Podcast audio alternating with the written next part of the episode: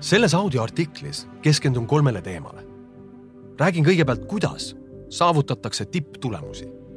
seejärel räägin positiivsusest, motivatsioonist ja isikuomadustest ning nende seosest müügiga.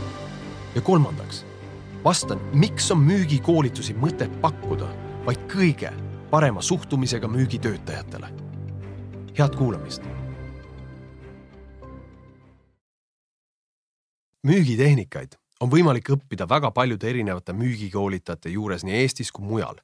sel teemal on kirjutatud palju raamatuid ning toodetakse pidevalt podcast'e ja muid kasulikke õppematerjale. kuid ainult tehniliste oskuste omandamisest, aga edukaks müügitööks kahjuks ei piisa. on üks omadus, mille olemasolu korral ei ole mõtet müügikoolitaja juurde minna. kui inimene on negatiivse mõtlemisega, ei saavuta ta müügis edu, ükskõik kui hästi ta on tehnikad omandanud. küll aga võin oma kogemusest öelda, et positiivset mõtlemist on võimalik väga edukalt õppida ja negatiivne mõtteviis optimistlikumaks pöörata. seega tekib küsimus, mis on müügis tähtsam, kas positiivsus, motivatsioon või isikuomadused? mis teeb ühe sportlase teisest vastupidavamaks? mis aitab ühe üksuse juhil saavutada rohkem kui teisel? Miks üks lapsevanem suudab jääda kordades rahulikumaks kui teine?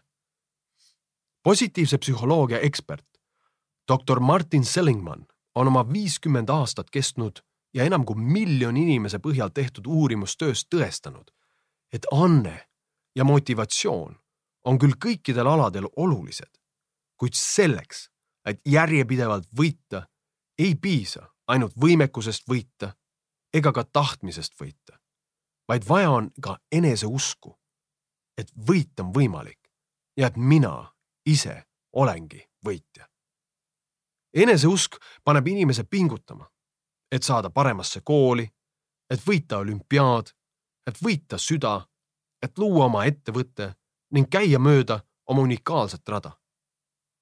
kui aga inimene ei usu endasse, kui ta on juba eos kindel, et plaan on lootusetu, siis ei ole ta võimeline astuma esimest, kuid kriitilist sammu, millest sõltub kõik ülejäänu. Daniel Goleman avaldas juba kolmkümmend aastat tagasi uuringud, mis tõestasid selgelt, et IQ ja tehnilised oskused määravad karjääri edukusest maksimaalselt kakskümmend viis protsenti. see tähendab et, et seitsekümmend viis protsenti tulemustest, sealhulgas müügitulemustest, sõltub millestki muust kui müügiinimese intelligentsus ja kompetents. aga mis siis, kui parimad ei müü rohkem seetõttu, et nad oskavad rohkem koolitustel õpitud müügitehnikaid, vaid seetõttu, et nad tulevad paremini toime äraütlemistega ehk teisisõnu, nad oskavad mõelda keset negatiivset positiivselt. alustame pisut laiemast pildist. Miks on üks sportlane teistest vastupidavam? mis aitab ühe üksuse juhil saavutada rohkem kui teisel? miks üks lapsevanem suudab jääda kordades rahulikumaks kui teine? ja miks mõned saavutavad oma sihid, kui teised loobuvad ja annavad alla? mõnikord öeldakse, et need inimesed teevad rohkem tööd või et neil on annet. Mari on klassi kõige targem füüsik. Juss on kiirem kui kõik teised ründajad. või Maret on briljantne strateegilises mõtlemises. tõepoolest, on nii anne kui töökus eduvalemi olulised komponendid. kuid üle neljakümne aasta uuringuid näitab, et müügiinimese või millise iganes inimese oskus tagasilöökidest põhjustatud stressiga toime tulla, inglise keeles grit, mängib sihtide saavutamisel äris, elus ja spordis hoopis suuremat rolli kui loomuomane anne või töökus. tegemist on vägagi olulise uudisega, sest kuigi me ei saa muuta oma geenipagasit.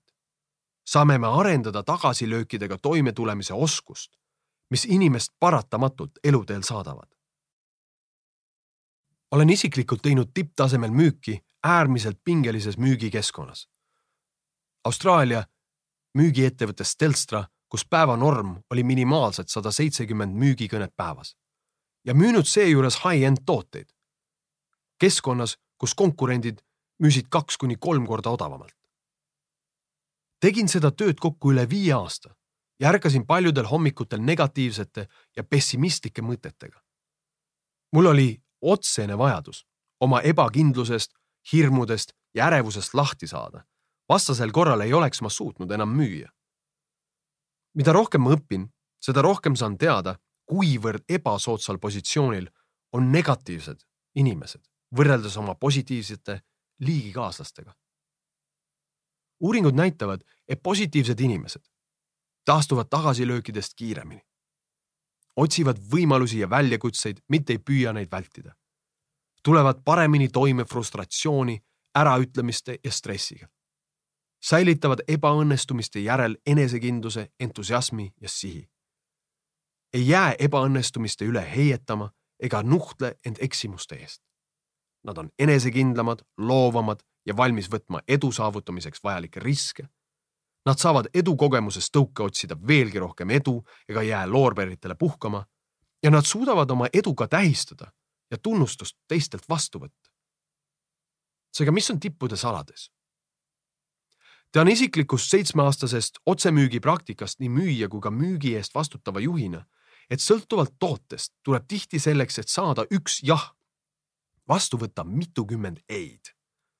kui müüsin kahe tuhande kaheksandal aastal Austraalias Sydney telekommunikatsiooniettevõttes Telstra telefoni teel mobiilset liitumist, oli müügiinimese päevane nõutav kõnede miinimum sada seitsekümmend, millest tippudel õnnestus müügiks pöörata maksimaalselt kolm kontakti see tähendab, et iga päev pidi kuulma keskmiselt sada kuuskümmend seitse äraütlemist ja alustama siiski igat uut kõnet nii, et viiskümmend eelmist äraütlemist ei mõjutaks usku järgmise kõne õnnestumisesse. üheksakümmend viis protsenti uutest müügiinimestest langes sellise tagasilöökide hulga juures välja kolme nädalaga. inimese elu on täidetud tagasilöökidega. ebaõnn võib ootamatult tabada kõiki ja pingelised situatsioonid kuuluvad lahutamatult elu juurde. kuid edasi jõuavad need, kes vastu tuule kiuste suudavad säilitada optimismi, mis annab jätkamiseks vajaliku jõu. üks keerukamaid ameteid, kus inimene peab tagasilöökidega toime tulema ja seejuures ülikõrge produktiivsusega jätkama, ongi just müügitöö. Müügikoolitused on mõttekas hoida õige suhtumisega töötajatele müügipersonali voolavus on probleem enamikes müügiorganisatsioonides mitte ainult Austraalias, vaid kogu maailmas. kaheksakümnendate keskpaigas palkas elukindlustusi müüv ettevõte MetLife viis tuhat uut müügiinimest aastas. et tagada nende edu, investeeris ettevõte iga kahe aasta tagant müügikoolitustesse sada viiskümmend miljonit dollarit. See teeb kolmkümmend tuhat dollarit koolituskulu iga inimese kohta kellest pooled pidasid vastu vähem kui aasta ja ainult üks viiest jäi tööle kauemaks kui neli aastat. et pidurdada massilist kaadrivoolavust, palkas MetLife appi Martin Sellingmani. doktor Sellingman jälgis MetLife'i müügiinimesi kahe kuu vältel ja avastas, et kui suurem osa müügiinimestest kaotas äraütlemiste tõttu motivatsiooni ja teotahte, siis väike osa inimesi näis olevat äraütlemistele immuunsed ükskõik kui palju ei-sid nad ka ei kuulnud, leidsid nad jõu, et enesekindlalt jahi suunas jätkata. Nende inimeste saladus oli positiivsus. Nad oskasid anda ebaõnnestumisele teistsuguse tähenduse ja kirjeldasid tagasilööke umbes nii. Pole hullu. täna on lihtsalt selline päev. homme läheb paremini. noh, see oli lihtsalt selline klient. järgmine võib vabalt olla müük ah, igale tagasilöögile järgneb alati tõus.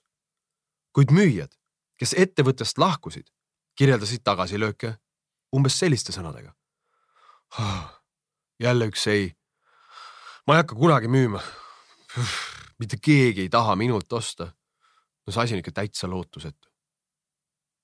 oluline on täpsustada, et optimism ei ennusta inimese võimet müüa mingit kindlat toodet vaid inimese oskus toime tulla müügiprotsessi käigus tekkivate tagasilöökidega.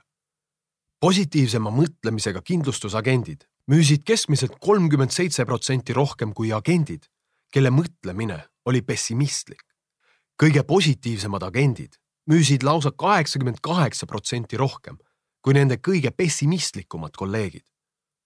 kui oled müügi eest vastutav juht, siis mõtle, mida tähendaks tulemuste kolmekümne seitsme kuni kaheksakümne kaheksa protsendine paranemine sinu ettevõttes. kui oled ise müügiinimene, siis mida teeksid kolmkümmend seitse kuni kaheksakümmend kaheksa protsenti kõrgemad tulemused sinu palganumbriga? saamata juurde uusi tehnikaid, kogemusi ega aega ja muutes ainult viisi, kuidas endale tagasilööke kirjeldad, saaksid potentsiaalis järgmise kaheteistkümne kuuga mitmekordistada oma palganumbrit ja ettevõtte kasumit. MetLife'i jaoks piisas kuuldud infost selleks, et muuta värbamispraktikat ja võtta tööle uued müüjad, tuginedes müügiinimesi valides viisile, kuidas nad endale tagasilööke kirjeldasid. kusjuures nad võtsid esialgu katsetuseks tööle nii agente, kes olid positiivsed, kui ka neid, kes olid negatiivse mõttemaailmaga. tulemus. aasta pärast müüsid värskelt värvatud optimistid värsketest pessimistidest kakskümmend üks protsenti rohkem ja teiseks aastaks oli vahe kasvanud viiekümne seitsmele protsendile. positiivsed müüjad olid lihtsalt kordades töökamad. MetLife'i jaoks oli see info piisavaks tõukeks, et muuta täielikult oma värbamispraktikat. edaspidi, kui kandidaat põrus standardses müügitestis, kuid sai kõrge hinde positiivsuses, võeti ta ikkagi tööle. Ja kui kandidaat sai müügioskusi kontrollivas testis kõrge hinde, kuid tema suhtumine oli pessimistlik, siis jäi ta palkamata. kaadri voolavus stabiliseerus kahe aastaga ja turuosa kasvas viiskümmend protsenti. müügikoolitustesse oli nüüd mõtet investeerida. oluline on täpsustada, et optimism ei ennusta võimet müüa mingit kindlat toodet, vaid oskust toime tulla müügiprotsessi käigus tekkivate tagasilöökidega tänaseks läbi viidud uuringutest on selgunud, et müüjate positiivsus mõjutab müügitulemusi ka teistes sektorites, näiteks kinnisvara. positiivsed maaklerid müüvad kolmkümmend kolm protsenti rohkem kui negatiivsed. maaklerid, kes on positiivsed ja sobivad ametisse ka oma tugevuste poolest, müüvad teistest kolmkümmend üheksa protsenti rohkem. automüük. Positiivsed müüjad on kakskümmend protsenti tulemuslikumad kui teised automüüjad, kes on positiivsed ja sobivad ametisse ka oma annete poolest, müüvad teistest kakskümmend seitse protsenti rohkem. telekommunikatsioon. positiivsed müügiinimesed on kakskümmend üheksa protsenti tulemuslikumad. müüjad, kes on positiivsed ja sobivad ametisse ka oma tugevuste poolest, müüvad teistest kolmkümmend üheksa protsenti rohkem. pangandus. parimad nõustajad on kakskümmend viis protsenti optimistlikumad kui ülejäänud kolleegid. klienditeenindus suurima lisamüügiga teenindajad on viiskümmend protsenti optimistlikumad kui teised teenindajad. mentaalselt tugevad ehk positiivsed sportlased on sihikindlamad ja tugevama distsipliiniga kui need, kellel on küll annet, kuid jääb puudu positiivsusest. positiivsed sportlased ei jäta vahele treeninguid ega otsi kergema vastupanu teed. tiimikaaslased saavad neid alati usaldada. mentaalselt tugevad, positiivsed juhid on oluliselt järjekindlamad Neil on selged eesmärgid. Nad ei lase negatiivselt tagasisidel, hetkelisel graafikul või võimalusel teenida kiiret tulu viia end kõrvale põhifookuselt, tõeliselt oluliselt visioonilt. ja mentaalselt tugevad, positiivsed loomeinimesed ja erinevatel positsioonidel töötajad on oma loomingu kvaliteedis ja produktiivsuses järjepidavamad ja etteaimatavamad kui ülejäänud inimesed. Nende tootlikkus on kõrge pidevalt, mitte ainult siis, kui neil on tunne tööd teha Nad lähenevad oma tööle professionaali mentaliteediga, isegi kui nad on oma kogemuste poolest veel amatöörid. Nad teevad esimesena ära selle, mis on kõige tähtsam, ega lükka olulist edasi. seega võib öelda, et positiivsus on justkui biokeemiline konkurentsieelis. positiivsed emotsioonid tekivad tänu sellele, et aju ujutatakse üle dopamiini ja serotoniiniga, kemikaalidega, mis panevad aju õppimiskeskused toimima kõrgendatud režiimil. selline võimendatud seisund aitab kliendilt saadavat infot efektiivsemalt organiseerida ja hoida seda kauem mälus, mis omakorda kiirendab loogilist mõtlemist. avab tee originaalsete seosteni, loob võimaluse olla võimekam kompleksses analüüsis ning leida uudseid lahendusi kliendi probleemidele. Milline nendest hüvedest ei ole müügiinimese edus kriitilise tähtsusega? kusjuures positiivne biokeemia mõjutab tulemusi koheselt. ühes katses lasti nelja-aastastel lastel koostada mänguklotsidest kujundeid. esimene grupp sai ülesande panna klotsid kokku nii kiiresti kui võimalik. teine grupp sai sama ülesande, kuid enne alustamist paluti lastel mõelda ühe minuti jooksul millelegi, mis teeb nad väga rõõmsaks. Lapsed, kes võtsid selle minuti, said kõik ülesandega kiiremini valmis. sarnane tulemus kordus ka kaksteist aastat hiljem läbi viidud katses, mida tehti kümme aastat vanemate lastega. õpilastel paluti enne matemaatika kontrolltööd mõelda minuti jooksul oma elu kõige õnnelikumale päevale. taaskord, ainuüksi minut positiivsust tõi kontrollgrupiga võrreldes paremaid tulemusi. kui piisab ainult minutist, et olla konkurendist kiirem ja täpsem, siis on vähe sellist, mis annaks kuuekümnele sekundile väljundi mõttes rohkem väärtust kui selle täitmine positiivsusega. optimism on vältimatu edu alus kõikides rollides, mis nõuavad kõrget stressitaluvust, initsiatiivi, vastupidavust, järjekindlust ja julget visiooni. on see siis müük ja müügitugi, maakleritöö, PR, sündmusturundus, projekti juhtimine, kokandus, teenindus, meditsiin, esitluste tegemine, muutuste juhtimine, loovjuhtimine või kõik rollid, mida saadab pingeline konkurents ja pidev läbipõlemisoht. positiivse mõtteviisiga inimesed suudavad nendes rollides tagasilöökidest kiiremini taastuda ning jätkata tööga ilma, et motivatsioon ja kvaliteet langeks. aastate jooksul kogunenud info näitab ka, et positiivsed inimesed on teistega võrreldes produktiivsemad, saavutavad paremaid tulemusi juhtivatel positsioonidel, elavad kauem, naudivad lähisuhteid, mis kestavad kauem, tihti kogu elu ja on parema tervisega ja positiivsus mõjutab ka füüsilist tervist. ühes pisut võikas uuringus mõõdeti vabatahtlike positiivsust ning seejärel nakatati nad gripiviirusega. nädala pärast olid indiviidid, kes olid katse alguses positiivsemalt meelestatud, tulnud viiruse mõjuga paremini toime kui pessimistlikud katsealused. Nad hindasid end subjektiivselt tervemaks ning neil oli arstide poolt vaadatuna ka oluliselt vähem objektiivseid gripiga seotud sümptomeid Nad aevastasid ja köhisid vähem ning põletikunäidud olid madalamad. töö kontekstis väljenduks see tohutu kokkuhoiuna, sest juhid, kes loovad positiivse tööõhkkonna, vähendavad haiguspäevadega seotud otseseid ja kaudseid kulutusi. kuna pessimistid haigestuvad rohkem ja võtavad aastas keskmiselt viisteist haiguspäeva rohkem kui nende positiivsemad kolleegid.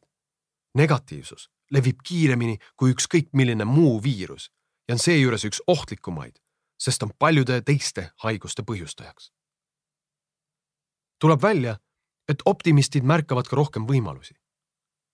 Bostonis asuva Brandeisi ülikooli uurijad kasutasid seadeldist, mis monitooris katsealuste silmade liikumist, et jäädvustada kõik, millele nende pilk fokusseerus. selgus, et kui inimene on pessimistlik, keskendub tähelepanu ainult ekraani keskpunktile kui aga katsealused olid katse alguses mõjutatud olema positiivsed, haaras nende pilk kogu ekraani, märgates oluliselt suuremat info hulka kui vaid ekraani keskosa. uurijad järeldasid, et on tõenäoline, et positiivne töötaja näeb rohkem võimalusi karjääri edendamiseks. positiivne ettevõtja märkab kasutamata turupotentsiaali.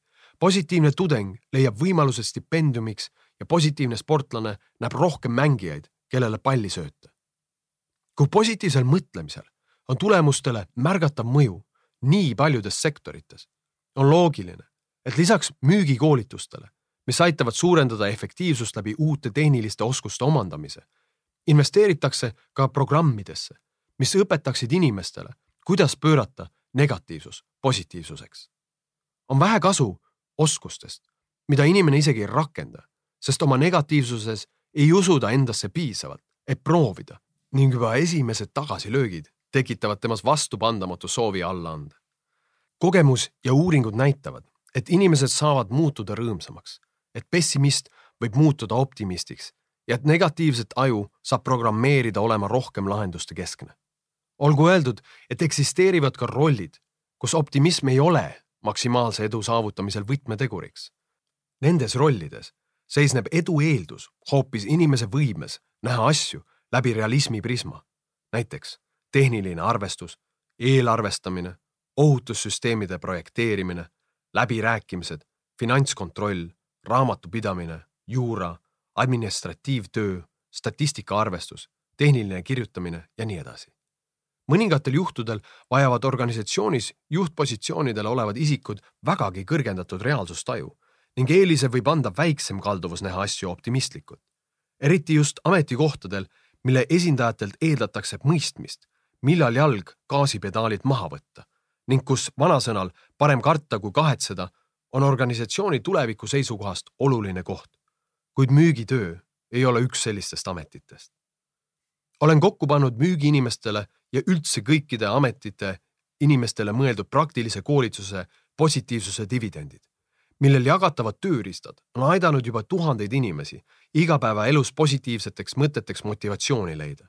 Samad praktikad aitasid ka mul endal pöörata pessimistlik mõtteviis positiivsemaks ning jõuda lähemale elule, mida enamiku ajast armastan. ma loodan siiralt, et selle audioartikli kuulamine oli sinu jaoks väärtuslik aeg.